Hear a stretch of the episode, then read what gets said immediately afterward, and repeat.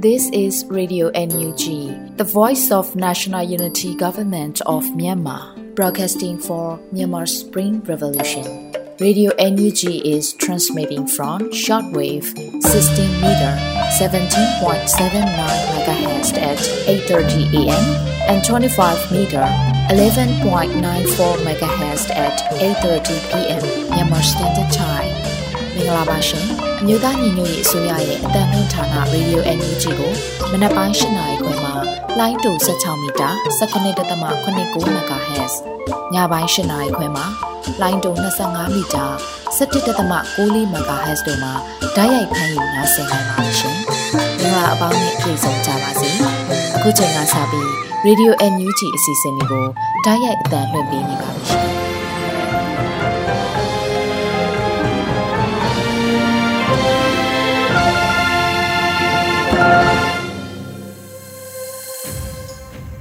လာနံနက်ခင်းပါခင်ဗျာတောတာရှင်များနဲ့တကွစစ်အာဏာရှင်စနစ်ဆိုးကိုတွန်းလှန်နေကြတဲ့တိုင်းသားပြည်သူအလုံးကိုယ်ဤကြမ်းမာခြင်းစိတ်ချမ်းသာခြင်းတို့နဲ့ပြည့်ဝကြပါစေအမျိုးသားညီညွတ်ရေးအစိုးရရေဒီယိုအန်ယူဂျီရဲ့ဇွန်လ15ရက်နေ့မနေ့ဖက်အတန်လွှင့်စီစဉ်များကိုစတင်ပါတော့မယ်ဥဆုံးအနေနဲ့ကာကွယ်ရေးဝန်ကြီးဌာနကထုတ်ပြန်တဲ့စစ်ရေးသတင်းတွေကိုနားဆင်နိုင်ပါပြီ။နှွေဦးမိုးကဖတ်ကြားတင်ပြပေးထားပါတယ်ခင်ဗျာ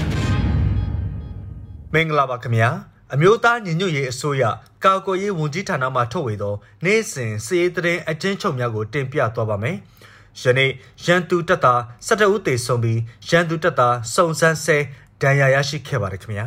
။အာနာသိအချမ်းဖတ်စစ်တပ်နဲ့တိုက်ပွဲဖြစ်ပွားမှုများကိုဥစွာတင်ပြသွားပါမယ်။မကွေးတိုင်းတွင်ဇွန်လ17ရက်နေ့ညနေ9:00နာရီခန့်တွင်မြိုင်မြို့နယ်တရက်ကွကျေးရွာပြူစောတီရွာအခြေပြုရန်သူတပ်နဲ့နေမီကန်ပြူစောတီပူပေါင်းတပ်စခန်းကိုပြည်သူ့ကာကွယ်ရေးတပ်မတော်ပခုတ်ကူခရိုင် အမှတ်73တပ်ရင်မြိုင်မြို့နယ်ပြည်သူ့ကာကွယ်ရေးတပ်ဖွဲ့မြိုင်ပကပတပ်ရင်1တပ်ခွဲ3တပ်စိတ်2နဲ့တပ်စိတ်4ဝန်ပလွေအဖွဲ့အညာမီအဖွဲ့ဒါမင်ကြီးအဖွဲ့ MVP အဖွဲ့တို့စုဖွဲ့ကပူပေါင်းစင်းနဲ့တိုက်ခတ်ခဲ့သောကြောင့်ရန်သူတပ်နဲ့ပြူစောတိတပ်ဖွဲ့ဝင်17ဦးသေဆုံးခဲ့ပြီးပြည်သူ့ကာကွယ်ရေးတပ်ဖွဲ့ဝင်တအူးသေဆုံးကတအူးကြည်ထိမှန်ဒဏ်ရာရှိခဲ့ကြောင်းသိရပါတယ်ခင်ဗျာ ဆက်လက်ပြီးအာနာသိအချက်ဖတ်စစ်တပ်ကျူးလွန်သောရာဇဝတ်မှုများကိုတင်ပြသွားပါမယ်မန္တလေးတိုင်းတွင်ဇွန်လ23ရက်နေ့ည10:15မိနစ်ခန့်တွင်မန္တလေးမြို့22လမ်းအနောက်တာယိုးဘောင်ပေါ်၌ရန်သူအင်အား10ဦးခန့်ကအမျိုးသားတဦးကိုဖမ်းဆီးရိုက်နှက်ကတွာလာနေသည့်ကားစိုက်ကယ်များအလုံးစစ်ဆေးနေကြောင်းသိရပါတယ်ဇွန်လ23ရက်နေ့ည9:30မိနစ်ခန့်တွင်ပသိမ်ကြီးမြို့နယ်ရေထွက်ရွာလမ်းမပေါ်ရှိ အရက်ဆိုင်အတွင်းသို့ရန်သူတပ်မှအင်စီက9စီးခန့်အရက်ဝတ်ဖြစ်ဝင်ရောက်ပြီးဆိုင်အတွင်းရှိအရက်တောက်နေသောလူ၁၀ဦးခန့်ကိုဖမ်းဆီးသွားကြောင်းသိရပါတယ်ခင်ဗျာမကွေးတိုင်းတွင်ဇော်လ23ရက်နေ့ညနေ3နာရီခန့်တွင်ပခုတ်ကူမြို့နယ်မြစ်ချေဒေသမြစ်ချေ EPC BPI စေဝါထုတ်လို့ရေးနှင့်မြင်းမွေးမြူရေးတပ်တို့တွင်အခြေပြုနေသောရန်သူတပ်နှင့်နယ်မြေခံပြူစောတိများကမြို့ဆိုကျေးရွာသို့ဝင်ရောက်ခဲ့ပြီး ဒေသခံပြည်သူများ၏နေအိမ်များကိုအကြမ်းဖက်မိရှုခဲ့သောကြောင့်နေအိမ်ခုနှလုံးမီးလောင်ပြာကျခဲ့ကြောင်းသိရပါတယ်ခင်ဗျာပဲခူးတိုင်းတွင်ဇွန်လ12ရက်နေ့13ရက်နေ့တွင်ကြောက်ကြီးမြို့နယ်သို့စစ်ကြောင်းထိုးနေသောဘလူးစစ်ကြောင်းမှရန်သူတပ်သားများကခလာရ60တပ်ပခကြောက်ကြီးထဲ၌အထိုင်ချကလက်နက်ကြီးဖြင့်ရှစ်ကြိမ်ထက်မနည်းဇက်တိုက်ပစ်ခတ်နေခြင်းကြောင့်နက်တန်ကွင်ဒါမို့တောကြောင်ပေါက်ဝါမင်စုတောင်ပု ရေတွင်းကုန်းကြီးရေတွင်းကုန်းလေအုတ်ရှိခင်အုံးပင်စုတပြေကုန်းစသည့်ကျေးရွာဆေရွာဝန်းကျင်မှာဒေသခံများစစ်ပေးဆောင်စခန်းများနဲ့ဘေးလွတ်ရာဒေသများသို့ပြောင်းရွှေ့နေရပါတယ်။ထွက်ပြေးတင်းရှောင်နေရသည့်ဒေသခံများထဲတွင်တက်ကြီးရွယ်အိုများကလေးငယ်များအများဆုံးပါဝင်ပြီးမိုးရွာသွန်းမှုကြောင့်နေရေးထိုင်ရေးမှစ၍ကျန်းမာရေးစောင့်ရှောက်မှုစသဖြင့်ခက်ခဲနေကြောင်းသိရပါတယ်ခင်ဗျာ။ ဟုတ်ကဲ့ပါအခုတင်ပြခဲ့တာကတော့အမျိုးသားညီညွတ်ရေးအစိုးရကာကွယ်ရေးဝန်ကြီးဌာနမှထုတ်ဝေသောနေ့စဉ်စည်ရေးသတင်းအကျဉ်းချုပ်များပဲဖြစ်ပါတယ်ကျွန်တော်ຫນွေဦးမိုးပါခင်ဗျာ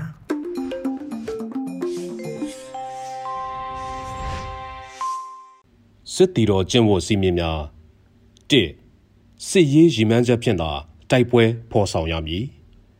၂စစ်စင်ရေးဆောင်ရွက်ရာတွင်လိုအပ်သောအင်အားကိုသာအသုံးပြု၍ထိခိုက်ပျက်စီးမှုအ ਨੇ ဆုံးဖြစ်စေရန် စီမံဆောင်ရွက်ရမည်၃အယက်သားပြည်သူများအားကာကွယ်စောင့်ရှောက်ရမည်အယက်သားပြည်သူပိုင်ဥစ္စာပစ္စည်းများကို ထိပါခြင်းမပြုရ၄ဘာသာရေးအဆောက်အအုံများနှင့်ယဉ်ကျေးမှုမွေးနေ့များကို လေးစားတံပိုးထားရမည်။ငါလက်နက်ကိုင်ပိဋိပခဆိုင်ရာဥပဒေသားများကို ဖောက်ဖျက်ကျူးလွန်ခြင်းမပြုရ။6ခေါင်းဆောင်များသည်စန္ဒမူနာပြခေါင်းဆောင်မှုကိုပြ၍ လက်အောက်ငယ်သားများအပေါ်ကြောသားရင်သားမခွဲကြဘဲတရားမျှတစွာကိုကဲအုပ်ချုပ်ရမည်။ခုနှစ်အထက်ကိုကဲမှုအစဉ်စဉ်မှပေးအပ်သောအမိန့်နှင့်တာဝန်များကို လေးစားလိုက်နာရမည်။ရှစ်တပ်ဖွဲ့ဝင်အချင်းချင်းရဲဘော်ရဲဘက်စိတ်ဖြင့်ပူးပေါင်းဆောင်ရွက်ရမည်။ကိုလူမျိုးပါတာကြားမှလိန်စိတ်ခံယူချက်ကွဲပြားမှုအပေါ်မူတည်၍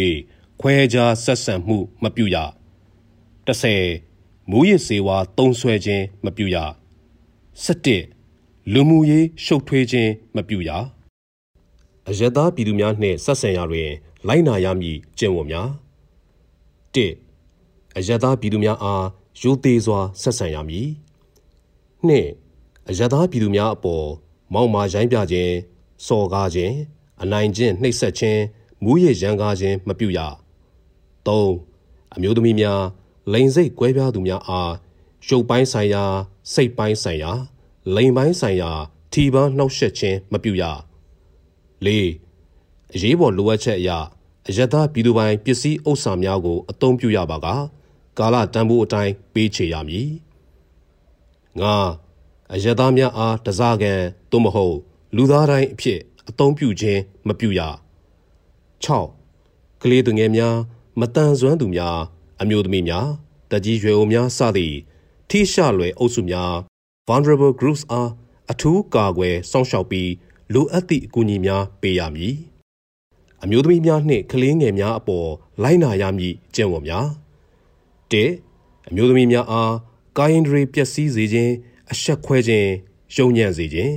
လိမ်မိုင်းဆိုင်ရာခေါင်းပုံဖြတ်အမျက်ထုတ်ခြင်းအကြမ်းဖက်ခြင်းမပြုလုပ်ရနှင့် အရွယ်မရောက်သေးသောကလေးများအားလိမ်ပိုင်းဆိုင်ရာထိတွေ့ဆက်ဆံခြင်းအကြမ်းဖက်ခြင်းမပြုလုပ်ရစစ်ရေးတရင်များကိုနားဆင်လို့အပြီးမှာဆက်လက်ပြီးပြည်တွင်းတရင်အကြောင်းစုံတွေကိုတော့နေဦးမိုင်ကဆက်လက်တင်ပြပါဦးမယ်ခင်ဗျာမင်္ဂလာပါရှင်ခုချိန်ကစပြီး Radio UNG ရဲ့ဇွန်လ15ရက်နေ့မနေ့ကင်းပြည်တွင်းသတင်းများကိုဖတ်ကြားပေးပါရမယ်ကျွန်မအနှွေဦးမိုင်ပါ အမျိုးသားညီညွတ်ရေးအစိုးရအနေနဲ့ဖက်ဒရယ်စနစ်ကိုစံတန်ဖို့အနေနဲ့အခြေပြုတိစောက်နေရလို့ယာယီသမပြောကြားတဲ့သတင်းကိုဓမ္မအောင်ဆုံးတင်ပြပေးချင်ပါတယ်။ဇွန်လအတွင်းကရင်နီပြည်နယ်ဂျာကာလာအုပ်ချုပ်ရေးကောင်စီတရားဝင်မိတ်ဆက်ကြေညာချက်အခမ်းအနားတွင်အမျိုးသားညီညွတ်ရေးအစိုးရ၏ယာယီသမရဒူဝါလက်ရှိလာကအခုလိုပြောကြားခဲ့ပါတယ် ကျွန်တော်တို့အမျိုးသားညီညွတ်ရေးအစိုးရအနေနဲ့လည်းဖက်ဒရယ်စနစ်ကိုစံတန်ဖို့အနေနဲ့အခြေပြုတည်ဆောက်နေတာဖြစ်ခြင်းကြောင့်ယခုကရင်ပြည်နယ်ကြားကာလအုပ်ချုပ်ရေးကောင်စီအနေနဲ့အနာဂတ်ဖက်ဒရယ်ဒီမိုကရေစီနိုင်ငံသစ်အတွက်ကြီးစွာသောအထောက်ပံ့ကောင်းဖြစ်စေလိမ့်မယ်လို့ယုံကြည်ပါတယ်။ဒါကြောင့်အနာဂတ်ဖက်ဒရယ်နိုင်ငံအတွက်ကရင်ပြည်နယ်ဟာအရေးကြီးသောဗဟိုအချက်တစ်ခုအနေနဲ့ပါဝင်နေလိမ့်မယ်လို့ပြောချင်ပါတယ်။ကရင်ပြည်နယ်ရဲ့ဂျာကာလာအုပ်ချုပ်ရေးကောင်စီဟာတခြားသောပြည်နယ်တွေရဲ့စံနမူနာဖြစ်စေဖို့မျှော်လင့်ပါတယ်လို့ဆိုပါတယ်။ ဒါအပြင်အလားတူဖြစ်ပေါ်လာမဲ့ဂျာကာလာအုပ်ချုပ်ရေးကောင်စီတွေနဲ့လည်းပုံမစုစည်းညီညွတ်စွာပေါင်းစည်းလှုပ်ဆောင်နိုင်လိမ့်မယ်လို့မျှော်လင့်ကြောင်းယာယီသမရကပြောပါရရှင်ဆက်လက်ပြီးမိုးပြေအစုလိုက်ပြိုးလိုက်တက်ဖြတ်မှုအားပြင်းပြင်းထန်ထန်ရှုပ်ကြတဲ့သတင်းကိုတင်ပြပေးပါမယ် ရှမ်းပြည်နယ်တောင်ပိုင်းမိုးပြဲမြို့အနီးတစ်ဝိုက်မှာအပြစ်မဲ့ရွာသား26ဦးကိုရရဆက်ဆက်အစုလိုက်ပြုံးလိုက်တပ်ဖြတ်ခဲ့သည့်ဖြစ်စဉ်အားပြင်းပြင်းထန်ထန်ရှုတ်ချတယ်လို့ဇွန်လ14ရက်မှာပြည်ပြည်ဆိုင်ရာပူးပေါင်းဆောင်ရွက်ရေးဝန်ကြီးဌာနပြည်ထောင်စုဝန်ကြီးဒေါက်တာဆဆာကပြောပါတယ်မြန်မာနိုင်ငံရှမ်းပြည်နယ်တောင်ပိုင်းမိုးပြဲမြို့အနီးတစ်ဝိုက်မှာအပြစ်မဲ့ရွာသား26ဦးကိုရရဆက်ဆက်အစုလိုက်အပြုံလိုက်တပ်ဖြတ်ခဲ့သည့်အကြမ်းဖက်စစ်ကောင်စီ၏လူမျိုးတုံးတပ်ဖြတ်မှုလုပ်ရက်ကိုပြင်းပြင်းထန်ထန်ရှုတ်ချပါတယ် 2023ခုနှစ်ဇွန်လ6ရက်မှ8ရက်အတွင်းမြောက်ဘက်ပိုင်းမိုးပြဲမြို့စေတီတော်အနီးတွင်ရွာသား14ဦးမှစစ်ကောင်စီမညာမတာအစုလိုက်ပြုံးလိုက်ပြစ်တက်ချင်းခံခဲ့ရသည်ထို့အပြင်တစ်ချိန်တည်းမှာပင်မိုးပြဲမြို့အနီးတစ်ဝိုက်တွင်အကြမ်းဖက်စစ်ကောင်စီမော်တာပစ်ခတ်မှုကြောင့်အပြစ်မဲ့ပြည်သူ12ဦးထပ်မံအသက်ဆုံးရှုံးခဲ့ရပါတယ်လို့ဆိုပါတယ် လူမျိုးတုံးအစုလိုက်ပြုံလိုက်တပ်ဖြတ်သည့်အကြမ်းဖက်စစ်အာဏာရှင်များသည်၎င်းတို့၏လူသားမျိုးနွယ်အပေါ်ရစ်စစ်ကြမ်းကြုတ်သောရာဇဝတ်မှုများအတွက်တာဝန်ခံရမှာဖြစ်ပြီးနိုင်ငံတကာတိုင်ဝမ်များ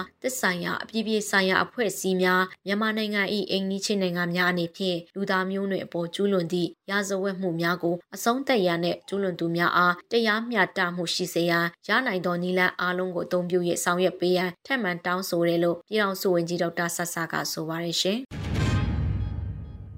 လူအခွင့်ရေးဆိုင်ရာဝန်ကြီးဌာနပြည်ထောင်စုဝန်ကြီးဦးအောင်မျိုးမင်းအပြည်ပြည်ဆိုင်ရာအလုပ်သမားသမဂ္ဂများအဖွဲ့ချုပ် International Trade Union Confederation ITUC နဲ့တွေ့ဆုံတဲ့သတင်းကိုဆက်လက်တင်ပြပါမယ်။လူခွင့်ရေးဆိုင်ရာဝန်ကြီးဌာနပြည်ထောင်စုဝန်ကြီးဦးအောင်မျိုးမင်းအလုံသမားရေးဝန်ကြီးဌာနနိုင်ငံတကာဆက်ဆံရေးအရာရှိဦးကျော်စိုးမိုးမြန်မာနိုင်ငံလုံးဆိုင်ရာအလုံသမားသမဂ္ဂများအဖွဲ့ချုပ် CTUM ဗဟိုအလုတ်အမှုဆောင်အဖွဲ့ဝင်ဒေါခိုင်စာအောင်တို့ပါဝင်သောမြန်မာကိုယ်စားလှယ်အဖွဲ့သည်ပြည်ပြည်ဆိုင်ရာအလုတ်သမားသမဂ္ဂများဖွဲ့ချုပ် International Trade Union Confederation ITUCE ကမ္ဘာလုံးဆိုင်ရာလက်ထောက်အထွေထွေတွင်းရေးမှူး Owen Tudor ITUC အာရှပစိဖိတ်ဒေသဆိုင်ရာအထွေထွေအတွင်းရေးမှူးရှော်ယာယိုရှိရာနိုနဲ့ဇွန်လ23ရက်တွင်ဆွစ်ဇာလန်နိုင်ငံဂျနီဗာမြို့တွင်တွေ့ဆုံခဲ့လို့တင်ရရှိပါသည် ထို့သို့တွေ့ဆုံရတွင်မြန်မာနိုင်ငံတွင်စစ်ကောင်စီမှကျူးလွန်နေသည့်လွတ်လပ်စွာသင်ပင်ဖွဲ့စည်းမှု Freedom of Association နှင့်အထမစေခိုင်းမှုဆိုင်ရာ forced labor ချိုးဖောက်မှုများကို ILOE Commission of Inquiry မှစုံစမ်းစစ်ဆေးနေမှုတွင် UNG ၏လူခွင့်ရေးဆိုင်ရာဝန်ကြီးဌာနမှပူးပေါင်းဆောင်ရွက်သွားနိုင်ရေးလုပ်ငန်းစဉ်များ ILO အပါအဝင်နိုင်ငံတကာဖွဲ့စည်းများနှင့်အစိုးရများက UNG ကိုမြန်မာနိုင်ငံ၏အစိုးရဖြင့်အတိမတ်ပြုမှုရရှိစေရတဲ့အတွက် မြန်မာနိုင်ငံလုံးဆိုင်ရာအလုသမားသမဂများအဖွဲ့ချုပ် CTUM မြန်မာနိုင်ငံအလုသမားတပ်ပေါင်းစု MLA အပြည်ပြည်ဆိုင်ရာအလုသမားများအဖွဲ့ချုပ် ITUC နဲ့ပူးပေါင်းလှုပ်ဆောင်နိုင်ရေးပုံမှုထိရောက်မှုရှိသောစီးပွားရေးပိတ်ဆို့မှုများလှုပ်ဆောင်သွားနိုင်ရဲ့ပါဝင်အခြားအရေးယူဆောင်ရွက်နိုင်ရေးနည်းလမ်းများကိုဆွေးနွေးခဲ့ပါတယ်။ ထို့နောက်အမျိုးသားညီညွတ်ရေးအစိုးရမြန်မာကိုယ်စားလှယ်အဖွဲ့နဲ့အလုံသမားသမဂအဖွဲ့ချုပ် CTUM ကိုယ်စားလှယ်များသည်လုပ်ငန်းကဏ္ဍလိုက်အပြည်ပြည်ဆိုင်ရာအလုံသမားသမဂများအဖွဲ့ချုပ်ဖြစ်သည့်အပြည်ပြည်ဆိုင်ရာတစ်လုပ်ငန်းနဲ့စောက်လုပ်ရေးအလုံသမားသမဂများအဖွဲ့ချုပ် BWIE အထွေထွေအတွင်းရေးမှူး Ambed Yuson နဲ့အဖွဲ့ပြည်ပြည်ဆိုင်ရာစွမ်းအင် တထုနဲ့ကုန်ထုတ်လုပ်ငန်းဆိုင်ရာအလုပ်သမားသမဂများအဖွဲ့ချုပ် Industrial လက်ထောက်ထွေထွေတွင်ရေးမှူး Kemal Oscar နဲ့အဖွဲ့တို့ကို ITUC ကိုယ်စားလှယ်အဖွဲ့နဲ့အတူထပ်မံတွေ့ဆုံခဲ့ပါတယ်။ထိုတွေ့ဆုံဆွေးနွေးမှုတွင်စွမ်းအင်ကဏ္ဍမှဝင်ငွေများစစ်ကောင်စီထံသို့စီးဝင်နေမှုကိုရပ်တန့်နိုင်ရေးလေရင်စီတင်ပို့ရောင်းချမှုကို ပိတ်ပင်တားဆီးနိုင်ရဲ့အတွက်အာမခံကုမ္ပဏီများမှတဆင့်ကျိုးပန်းဆောင်ရွက်နိုင်ရတဲ့မြန်မာနိုင်ငံအတွင်းသို့ငွေကြေးစီးဆင်းမှုရပ်တန့်နိုင်ရဲ့အပါအဝင်စီးပွားရေးပိတ်ဆို့အရေးယူနိုင်ရဲ့အတွက်အလုသမားသမဂများကလှုပ်ဆောင်နိုင်မိကိစ္စရပ်များကိုအပြန်လှန်ဆွေးနွေးဖလှယ်ခဲ့ကြပါတယ်ရှင်။ဆလပီလူအခွင့်အရေးချိုးဖောက်ခံရမှုစီများအား တိုင်းနယ်ပြည်နယ်အလိုက်တာမကမြို့နယ်အလိုက်ပုံမှုချိတ်ဆက်ဖြစ်သွင်းနိုင်ရဲ့အတွက်ဝင်ကြီးဌာနနဲ့ CRPH ကော်မတီတို့အကြားညှိနှိုင်းဆုံးဖြတ်ခဲ့တဲ့သတင်းကိုတင်ပြပါမယ်။ပြည်သူ့ရေးရာကော်မတီသည်အမျိုးသားညီညွတ်ရေးအစိုးရလူခွင့်ရေးဆိုင်ရာဝန်ကြီးဌာနနဲ့ပူးပေါင်းချိတ်ဆက်၍ပြည်သူများအနေဖြင့်နေ့စဉ်နဲ့မျှရင်ဆိုင်ခံစားနေရသည့်အကြမ်းဖက်ဆဲအုပ်စု၏ပြောင်ပြောင်တင်းတင်းလူခွင့်ရေးချိုးဖောက်နေမှုများပါဝင်ပြည်သူများ၏ အရေးပေါ်လိုအပ်ချက်များအတွက်ပူပေါင်းလှုပ်ဆောင်နိုင်မိလုပ်ငန်းစဉ်များနဲ့ဆက်လင်းသည့်အစည်းအဝေးတရက်အားဇွန်လ10ရက်အင်္ဂါနေ့နှစ်နာရီခွဲအချိန်တွင်ဗီဒီယိုကွန်ဖရင့်မှာတဆင့်ကျင်းပခဲ့ပါတယ်။အစည်းအဝေးတွင်ပြည်ထောင်စုလွှတ်တော်ကိုစားပြုကော်မတီအတွင်းရေးမှူးအဖွဲ့ဝင်ဒေါ်ဖြူဖြူသင်းကတော်လိုင်းကာလမှာနှစ်နှစ်ကျော်လာပြီဖြစ်၍မိမိတို့အားလုံးပင်ပန်းနေကြပြီဖြစ်တော့လဲစစ်ကောင်စီအနေဖြင့်မိမိတို့ထက်ပုံမပင်ပန်းလျက်ရှိပြီးမိမိတို့အနေဖြင့်ယခုထက်ပုံမချိတ်ဆက်၍ပြီးဆုံးသည့်အထိသွားကြရန်နဲ့ ယခုအချိန်ဒီအရေးကြီးဆုံးအချိန်ဖြစ်သည့်အတွက်အင်အားအပြည့်ဖြည့်ရုန်းကန်ကြရန်ဖြစ်ပါတယ်ဟုအဖွဲ့နှုတ်ခွန်းဆက်စကားပြောကြားခဲ့ပြီးပြည်သူ့ရေးရာကော်မတီဥက္ကဋ္ဌဒေါက်တာခင်စိုးစိုးကြည်ကမိမိတို့အနေဖြင့်တန်နိုင်သမျှပြည်သူများ၏လိုအပ်ချက်များကိုမိသည့်နီလာများဖြင့်ရှေ့ဆက်ပူးပေါင်းဆောင်ရွက်မိကိုဆွေးနွေးသွားရန်ဖြစ်ပါတယ်ဟုအစည်းအဝေးရည်ရွယ်ချက်အားရှင်းလင်းပြောကြားခဲ့ပါတယ်၎င်းနောက်လူခွင့်ရေးဆိုင်ရာဝန်ကြီးဌာနဒူဝင်ကြီးဦးခွန်းဗဟန်ထံကဝန်ကြီးဌာန၏လုပ်ငန်းဗျူဟာများချမှတ်အကောင့်ထဲပေါ်ဆောင်ရွက်နေမှုများ ပြည်တွင်းပြည်ပချိတ်ဆက်ဆောင်ရွက်ထားရှိမှုများလူခွင့်ရေးဆိုင်ရာမူဝါဒများရေးဆွဲထားရှိမှုများနဲ့တင်နန်းပို့ချမှုများရှင်းလင်းတင်ပြခဲ့ပြီးပြည်သူများအပေါ်အကြမ်းဖက်စေအုပ်စုကလူခွင့်ရေးချိုးဖောက်ကနှိပ်စက်နေမှုများအတွက်တရင်အချက်လက်ဖြည့်သွင်းခြင်းစုစည်းခြင်းသိသိချင်းများကိုစနစ်တကျပြုလုပ်ထားရှိပြီးမီဒီယာနဲ့နိုင်ငံတကာမှပုံမသိရှိရန်ချိတ်ဆက်၍တစ်ချိန်တွင်တရားမျှတမှုဖော်ဆောင်နိုင်ရေးအတွက်ဆောင်ရွက်လက်ရှိကြောင်းရှင်းလင်းပြောကြားခဲ့ပါတယ်။အစည်းအဝေးသို့လူခွင့်ရေးဆိုင်ရာဝန်ကြီးဌာန ဒုဝန်ကြီးဦးခွန်ဗဟန်းထံပြည်ထောင်စုလွှတ်တော်ကိုစားပြုကော်မတီအတွင်းရေးမှူးအဖွဲ့ဝင်ဒေါ်ဖြူဖြူတင်ပြည်သူ့ရေးရာကော်မတီဥက္ကဋ္ဌနဲ့အဖွဲ့ဝင်များတာဝန်ရှိသူများတက်ရောက်ဆွေးနွေးခဲ့ကြပါတယ်ရှင်။ကြာကာလာဒေသန္တရပြည်သူ့ချုပ်ရေးဖော်ဆောင်မှုဘောကော်မတီနဲ့မလေးတိုင်းမကွေးတိုင်းမြို့နယ်ပြည်သူ့ချုပ်ရေးဖွဲ့များတွဲဆုံဆွေးနွေးပွဲကျင်းပတဲ့တဲ့ရင်ကိုဆက်လက်တင်ပြပါမယ်။ အမျိုးသားရင်ငွေရေးအစိုးရဂျာကာလဒေသန္တရပြည်သူ့အုပ်ချုပ်ရေးဖော်ဆောင်မှုဘဟိုကော်မတီနဲ့မလေးတိုင်းမကွေးတိုင်းမှမြို့နယ်ပြည်သူ့အုပ်ချုပ်ရေးအဖွဲ့များတွိတ်ဆုံဆွေးနွေးပွဲအစည်းအဝေး18မြင်းဆောင်2023ကိုဇွန်လ14ရက်ကကျင်းပခဲ့ပါတယ်။အစည်းအဝေး၌ဂျာကာလဒေသန္တရပြည်သူ့အုပ်ချုပ်ရေးဖော်ဆောင်မှုဘဟိုကော်မတီအဖွဲ့ဝင် အလုသမားဝင်ကြီးဌာနပြည်ထောင်စုဝင်ကြီးနိုင်သူဝနာမှအဖွဲ့မှစကားပြောကြားခဲ့ပါတယ်။ဆက်လက်ပြီးဝင်ကြီးဌာနများမှဌာနနဲ့သက်ဆိုင်သူများကိုပြောကြားခဲ့ပြီးမြို့နယ်ပြည်သူ့အုပ်ချုပ်ရေးဖွဲ့ဝင်များမှမူဝါဒလမ်းညွှန်ချက်များလုပ်ငန်းဆောင်ရွက်ချက်များမြေပြင်အခက်အခဲများနဲ့ပတ်သက်၍တရှိလိုသည့်များကိုမေးမြန်းခဲ့ကဝင်ကြီးဌာနမှတာဝန်ရှိသူများမှပြန်လည်ဖြေကြားခဲ့ပါတယ်။တွိတ်ဆုံပွဲသို့ပြည်ထောင်စုဝင်ကြီးနိုင်တုဝနာမှဦးဆောင်ကဒုတိယဝင်ကြီးခုထဲဘူးအမြဲတမ်းအတွင်းဝင်များတွဲဖက်အတွင်းဝင်များ ဌာနဆိုင်ရာများမှတာဝန်ရှိသူများနဲ့မန္တလေးတိုင်းမကွေးတိုင်းမှမြို့နယ်ပြည်သူ့အချုပ်ရဲ့ဖွဲ့ဝင်များတက်ရောက်ခဲ့ကြပါတယ်ရှင်။ဆက်လက်ပြီးမင်းအောင်လှိုင်နဲ့စစ်အုပ်စုကြာရှုံးနေပြီဆိုတာကဘာအသိမြင်နေပြီလို့ NUG ဩစတြေးလျကိုယ်စားလှယ်ဆိုတဲ့သတင်းကိုတင်ပြပါမယ်။မင်းအောင်လှိုင်နဲ့စစ်အုပ်စုကြာရှုံးနေပြီဆိုတာကဘာသိမြင်နေပြီလို့ NUG ဩစတြေးလျကိုယ်စားလှယ်ဒေါက်တာထွန်းအောင်ရွှေကဇွန်လ14ရက်မှာပြောပါရယ် မင်းအောင်လှိုင်နဲ့သူ့အုပ်စုကြရှုံးနေပြီဆိုတာကဘာသိမြင်နေပါပြီအခုကဘာကသိချင်နေတာက UNG နဲ့ ARG ERO တွေညှိညှိနိုင်နိုင်ညီညီညွတ်ညွတ်နဲ့တိုင်းပြည်ကိုပါဝါလေဟာနဲ့ဖြစ်မသွားစေပဲအုပ်ချုပ်သွားနိုင်မလားဆိုတာပဲလို့ဆိုပါတယ်လက်ရှိမှာစေအုပ်စုဟာလော်ဘီအမျိုးမျိုးနဲ့ ERO နဲ့တော်လှန်ရေးအင်အားစုများအပါအဝင် UNG တို့အကြားတွေ့ကြွအောင်ဝါရအမျိုးမျိုးဖြတ်ချီလက်ရှိနေပါတယ်ရှင်။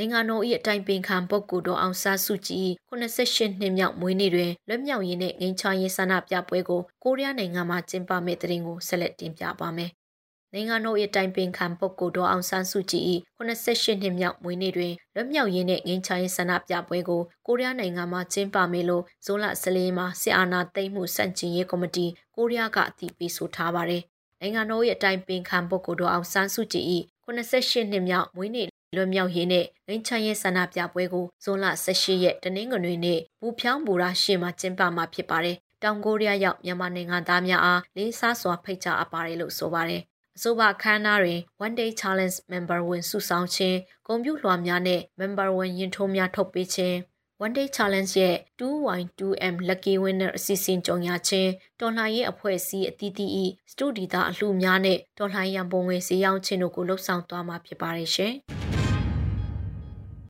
ဘန်တူမှထုတ်လုပ်ထားသော M4 ကာဘိုင်လက်လုံအောင်မြင်စွာထုတ်လုပ်နိုင်တဲ့တရင်ကိုဆက်လက်တင်ပြပါမယ်။ဘန်တူမှထုတ်လုပ်ထားသော M4 ကာဘိုင်လက်လုံအောင်မြင်စွာထုတ်လုပ်နိုင်တယ်လို့ဇွန်လ14ရက်မှာဘန်တူထုတ်လုပ်ရင်းနဲ့ပျောက်ကြားတပ်ဖွဲ့ကဆိုပါတယ်။ဘန်တူမှထုတ်လုပ်ထားသော M4 ကာဘိုင်လက်လုံအောင်အောင်မြင်မြင်နဲ့ထုတ်လုပ်နိုင်ခဲ့ပါတယ်။အခက်ခဲများစွာကြားမှစ조사ထုတ်လုပ်နိုင်ခဲ့သည့်အတွက်လည်းရဲဘော်များအားလေးစားဂုဏ်ပြုပါတယ်လို့ဆိုပါတယ် ထုတ်လုပ်ရေးရှေ့ဆက်နိုင်ဖို့ပြည်သူလူထုကဝိုင်းရံပေးဖို့ကိုလည်းဆိုထားပါတယ်ရှင်။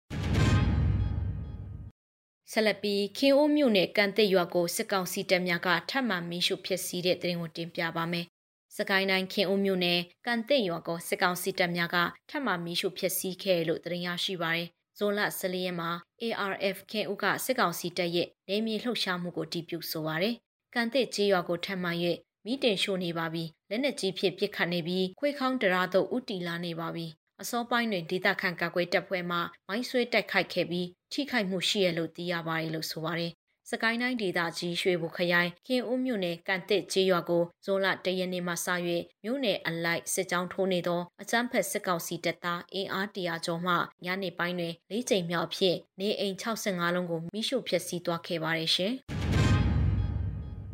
အကြမ်းဖက်စစ်တပ်ကအာဏာလုယူပြီးနှစ်နှစ်ကျော်ကာလအတွင်းတည်ဆုံခဲ့တဲ့အရက်သား8000ကျော်ရှိခဲ့ပြီး2000ကျော်ဟာဆန္ဒပြပွဲအတွင်းပြစ်ခတ်ခံရမှုနဲ့စစ်ကောင်စီကဖမ်းဆီးထားစဉ်တည်ဆုံခဲ့ရသူတွေဖြစ်တဲ့သတင်းကိုနောက်ဆုံးတင်ပြပေးချင်ပါတယ်။ကျန်းဖက်စစ်တပ်ကအာဏာလုယူပြီးနှစ်နှစ်ကျော်ကာလအတွင်း တည်ဆုံးခဲ့တဲ့အရက်သား8000ကျော်ရှိခဲ့ပြီး2000ကျော်ဟာဆန္ဒပြပွဲတွင်ပြစ်ခတ်ခံရမှုနဲ့စစ်ကောင်စီကဖမ်းဆီးထားစဉ်တည်ဆုံးခဲ့ရသူတွေဖြစ်တယ်လို့ဇွန်လ14ရက်မှာ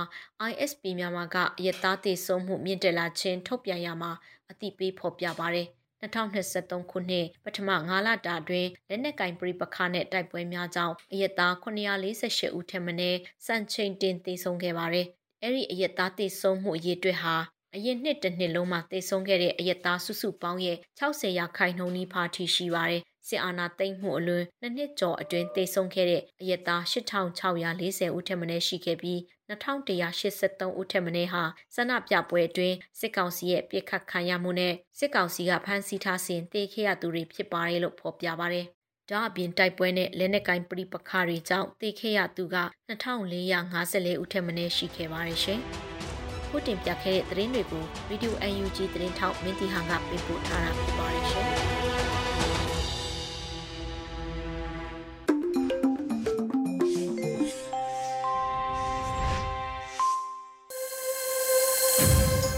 ။ Radio UNG ကအခုတပန်ထုတ်လွှင့်မဲ့အစီအစဉ်ကတော့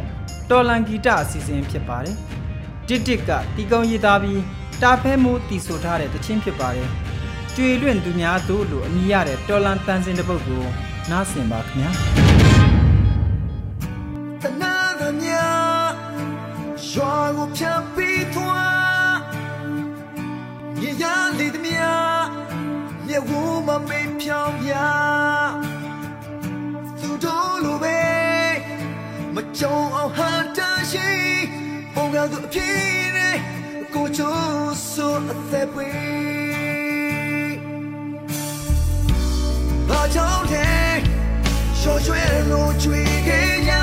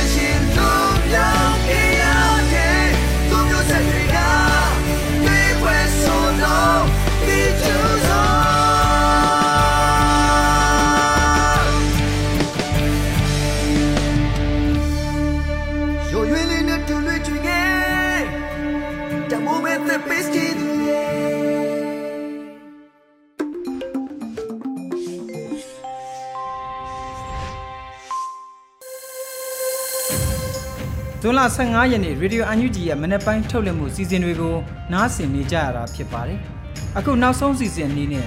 PPTV ရဲ့နေ့စဉ်သတင်းတွေကိုထက်ထက်အင်ဒရာအောင်ကတင်ပြပါတော့မယ်ခင်ဗျာပထမဆုံးတင်ဆက်ပေးမှာကတော့ပြည်သူ့ရဲတပ်ဖွဲ့နဲ့စကိုင်းတိုင်းမကွေးတိုင်းတို့မှာရှိတဲ့မြို့နယ်ပြည်သူ့လုံခြုံရေးတပ်ဖွဲ့များတွဲဆုံတဲ့သတင်းကိုတင်ဆက်ပေးချင်ပါတယ်။ အမျိုးသားညီညွတ်ရေးအစိုးရပြည်ထောင်နဲ့လူဝင်မှုကြီးကြပ်ရေးဝန်ကြီးဌာနပြည်သူ့ရဲတပ်ဖွဲ့နဲ့စကိုင်းတိုင်းမကွေးတိုင်းတို့မှာရှိတဲ့မြို့နယ်ပြည်သူ့လုံခြုံရေးတပ်ဖွဲ့များတွဲဆုံဆွေးနွေးမှုကိုဇွန်လ23ရက်မနက်10:00နာရီမှာပြုလုပ်ကြပါတယ်။တွဲဆုံပွဲမှာပြည်ထောင်နဲ့လူဝင်မှုကြီးကြပ်ရေးဝန်ကြီးဌာနအမြဲအတွင်းဝင်ရေးဆွေးနွေးမှုနဲ့စတင်ခဲ့ပြီးပြည်သူ့ရဲတပ်ဖွဲ့ရဲချုပ်ကဆက်လက်ဆွေးနွေးခဲ့ပါတယ်။အဲဒီနောက်မှာတော့တက်ရောက်လာကြတဲ့မြို့နယ်ပြည်သူ့လုံခြုံရေးတပ်ဖွဲ့ဝင်တွေက မိမိဒေသမှာရှိတဲ့အမှုအခင်းတွေနဲ့ပတ်သက်ပြီးသိရှိလိုတာတွေကိုမေးမြန်းကြကဝန်ကြီးဌာနရဲ့တပ်ဆိုင်ရာတပ်ဖွဲ့ဦးစီးဌာနတွေကပြည်လည်ရှင်းလင်းဖြေကြားခဲ့ပါတယ်။ဆိုပါစီဝေးကိုအမြဲတမ်းအတွင်းဝန်တွဲဘက်အတွင်းဝန်ပြည်သူ့အုပ်ချုပ်ရေးဦးစီးဌာနပြည်သူ့ရဲတပ်ဖွဲ့နဲ့စကိုင်းတိုင်းနဲ့မကွေးတိုင်းတို့မှာရှိတဲ့မြို့နယ်ပြည်သူ့လုံခြုံရေးတပ်ဖွဲ့ဝင်များတက်ရောက်ခဲ့တယ်လို့သိရပါတယ်။ ဆလတ်တင်ဆက်ပေးမယ့်တဲ့ရင်ကတော့အာဆီယံနဲ့နိုင်ငံတကာကိုစစ်ကောင်စီကျူးလွန်နေတဲ့ရာဇဝတ်မှုတွေကိုဖော်ထုတ်အရေးယူနိုင်မယ့်အစီအစဉ်ကိုအခုထပ်ပုံမှုဆောင်ရွက်ပေးဖို့အမျိုးသားဒီမိုကရေစီအဖွဲ့ချုပ်ကမြစ်တာရက်ခံတဲ့တဲ့မှာအာဆီယံနဲ့နိုင်ငံတကာကိုစစ်ကောင်စီကျူးလွန်နေတဲ့ရာဇဝတ်မှုတွေကိုဖော်ထုတ်အရေးယူနိုင်မယ့်အစီအစဉ်ကိုအခုထပ်ပုံမှုဆောင်ရွက်ပေးကြဖို့ NLD ကမြစ်တာရက်ခံတယ်လို့ဇွန်လ23ရက်ရက်စွဲနဲ့ထုတ်ပြန်ပါတယ်။ အာဆီယံအပါအဝင်နိုင်ငံတကာအတိုင်းအဝန်အနေနဲ့မြန်မာပြည်သူတွေရဲ့ Federal Democracy ပြည်အောင်စုတည်ဆောက်နိုင်ရေးလမ်းစဉ်နဲ့စစ်ကောင်စီကကျူးလွန်တဲ့ရာဇဝတ်မှုတွေကိုနိုင်ငံတကာဥပဒေနဲ့အညီဖော်ထုတ်အရေးယူနိုင်မဲ့လုပ်ငန်းစဉ်တွေကိုအခုထပ်ပုံမှုထိရောက်စွာဆောင်ရွက်ပေးစီလိုကြောင်းမြစ်တာရက်ခံတိုက်တွန်းတယ်လို့ထုတ်ပြန်ချက်မှာဖော်ပြထားပါတယ်။ 2021ခုနှစ်ဖေဖော်ဝါရီလ1ရက်နေ့မှာကာကွယ်ရေးဦးစီးချုပ်မင်းအောင်လှိုင်ဦးဆောင်တဲ့စေအုပ်စုဟာမဲစရင်မာရင်တယ်လို့ဆိုတဲ့အကြောင်းပြကတည်ဆဲဥပဒေတွေကိုချိုးဖောက်ပြီးတော့နိုင်ငံတော်ရဲ့အာဏာကိုအရမလူယူခဲ့ကပြည်သူလူထုကရွေးကောက်တင်မြှောက်ထားတဲ့အရသာအစိုးရရဲ့နိုင်ငံတော်သမ္မတနိုင်ငံတော်အတိုင်ပင်ခံပုဂ္ဂိုလ်အပါအဝင်အစိုးရအဖွဲ့ဝင်ဝန်ကြီးများပြည်내နဲ့တိုင်းဒေသကြီးဝန်ကြီးချုပ်များအမျိုးသားဒီမိုကရေစီအဖွဲ့ချုပ်ပါတီခေါင်းဆောင်များတန်ခါတော်များစပေနဲ့အမှုပညာရှင်များတက်ကြွလှူရှာသူများနဲ့ 2020ရွေးကောက်ပွဲအနိုင်ရလွှတ်တော်ကိုယ်စားလှယ်တွေကိုမတရားဖမ်းဆီးထိန်းသိမ်းခဲ့တာပါ။ဒါအပြင်စစ်တပ်အာဏာသိမ်းမှုကိုစန့်ကျင်တဲ့ပြည်သူတွေရဲ့ငြိမ်းချမ်းစွာဆန္ဒထုတ်ဖော်ကန့်ကွက်ခဲ့မှုတွေကိုအာဏာလုစစ်ကောင်စီကအကြမ်းဖက်ပစ်ခတ်ဖြိုခွင်းခြင်းပါဝင်သူတွေကိုဖမ်းဆီးခြင်းစစ်ကြောရေးစခန်းတွေမှာနှိပ်စက်တပ်ဖြတ်ခြင်းခြေရွာတွေလူနေအိမ်တွေကိုလူသားတွေကိုပါမိရှုဖျက်ဆီးတပ်ဖြတ်ခြင်းပြည်သူတွေရဲ့ပိုင်ဆိုင်မှုတွေကိုလူရယူဆောင်ခြင်းစတဲ့အကြမ်းဖက်မှုတွေနဲ့ရက်ဆက်စွာတုံ့ပြန်ခဲ့တာဖြစ်ပါတယ်။ ဆက်လက်တင်ဆက်ပေးမှာကအကြမ်းဖက်စစ်တပ်ကခင်ဦးမြို့နယ်ရေးကုန်းရွာကနေအိမ်နဲ့စာတင်ကျောင်းတွေကိုမိရှုဖျက်ဆီးပြီးနွားနဲ့သူအကောင်ကြီး80ကျော်ကိုခိုးယူသွားတဲ့တဲ့တင်မှာစကိုင်းတိုင်းခင်ဦးမြို့နယ်ရေးအကုန်းရွာကနေအိမ်နဲ့စာတင်ကျောင်းတွေကိုမိရှုဖျက်ဆီးပြီးတော့နွားနဲ့သူအကောင်ကြီး80ကျော်ကိုအကြမ်းဖက်စစ်တပ်ကခိုးယူသွားတယ်လို့ဒေသခံတွေကပြောပါတယ်။အင်အားတရာကျော်ပါတဲ့အကျန်းဖက်စစ်ကြောင်းဟာ ဇွန်လ9ရက်နေ့မှာခင်ဦးမြို့နယ်တဲကရီအေးကုန်းရွာမှာညအိတ်တက်ဆွဲပြီးတော့ပြည်သူပိုင်းနွား9ကောင်ကိုပြစ်ခတ်တက်ခါသုံးနှကောင်နဲ့ဝက်တကောင်ကိုတတ်စားခဲ့ပါတယ်။ဒါအပြင်ပြည်သူပိုင်းနေအိမ်လေးလုံးနဲ့စာတင်ကျောင်းဆောင်တဆောင်ကိုမိရှုဖျက်ဆီးပြီးနွားနဲ့သူအကောင်ကြီး80ကျော်ကိုခိုးယူကဇွန်လ10ရက်နေ့မနက်ပိုင်းမှာရွှေဘူလေးချီရီရှေကိုးပင်တက်အနောက်ဘက်ကဖို့ကုန်းပြူရွာကိုထွက်သွားတယ်လို့ဒေသခံတွေကပြောပါတယ်။ အဲ့ဒီဂျမ်ဘတ်စစ်တပ်ဟာဇွန်လ12ရက်နေ့ကတန်ဖိုရွာတောင်ဘက်မှာမိုင်းတွေးမိကအနည်းဆုံး3ဦးတည်ဆုံခဲ့ပြီး9ဦးထိခိုက်ဒဏ်ရာရရှိခဲ့ကပြည်သူ့ကာကွယ်ရေးအဖွဲ့ကလည်းရဲဘော်တအူကြဆုံးခဲ့ရပြီးတော့2ဦးဒဏ်ရာရတယ်လို့သိရပါတယ်။ခေမြို့နယ်တွေကကျေးရွာ86ရွာကနေမောင်6000ကျော်ကိုအကြမ်းဖက်စစ်တပ်ကမိရှို့ဖျက်ဆီးခဲ့တာကြောင့် မိဘတင်ပြည်သူပေါင်း3000ကျော်ထိရှိလာပြီးနေ့စဉ်နဲ့အမျှအကူအညီလိုအပ်နေတယ်လို့ခင်ဦးမြို့နယ်တည်င်းမှန်ပြန်ကြားရေးကနေသိရပါဗျ။မတရားမှုကိုတော်လန်တော့ရေဦးတာကောင်အောင်စစ်ပြီးဒီကနေ့ကတော့ဒီညနဲ့ပဲ Radio NUG ရဲ့အစီအစဉ်လေးကိုခਿੱတရနာလိုက်ပါမယ်ရှင်။မြမစံတော်ချိန်မနက်၈နာရီခွဲနဲ့ည၈နာရီခွဲအချိန်တွေမှာပြန်လည်ဆုံတွေ့ကြပါစို့။ Radio NUG ကိုမနက်ပိုင်း၈နာရီခွဲမှာ လိုင်းတူ16မီတာ19.89 MHz ညပိုင်း8နာရီခွဲမှာလိုင်းတူ25မီတာ17.94 MHz တို့မှာဓာတ်ရိုက်ဖမ်းလို့နိုင်စေနိုင်ပါပြီ။မြန်မာနိုင်ငံသူနိုင်ငံသားတွေကိုစိတ်နှပြစမ်းမချမ်းသာလို့ဘေးကင်းလုံခြုံကြပါစေလို့ Radio NUG အဖွဲ့သူဖွဲ့သားတွေကဆုတောင်းမြတ်တာပို့ပါတယ်ရှင်။မြေသားမျိုးတွေအစိုးရရဲ့ဆက်သွယ်ရေးသတင်းအချက်အလက်တွေပညာဝန်ကြီးဌာနကထုတ်လွှင့်နေတဲ့ Radio NUG ဖြစ်ပါတယ်။ San Francisco Bay Area အခြေစိုက်မြန်မာမိသားစုတွေနဲ့နိုင်ငံတကာကစေတနာရှင်တို့အားပေးနေတဲ့ Radio NUG ဖြစ်ပါတယ်။အရေးတော်ပုံအောင်ရမည်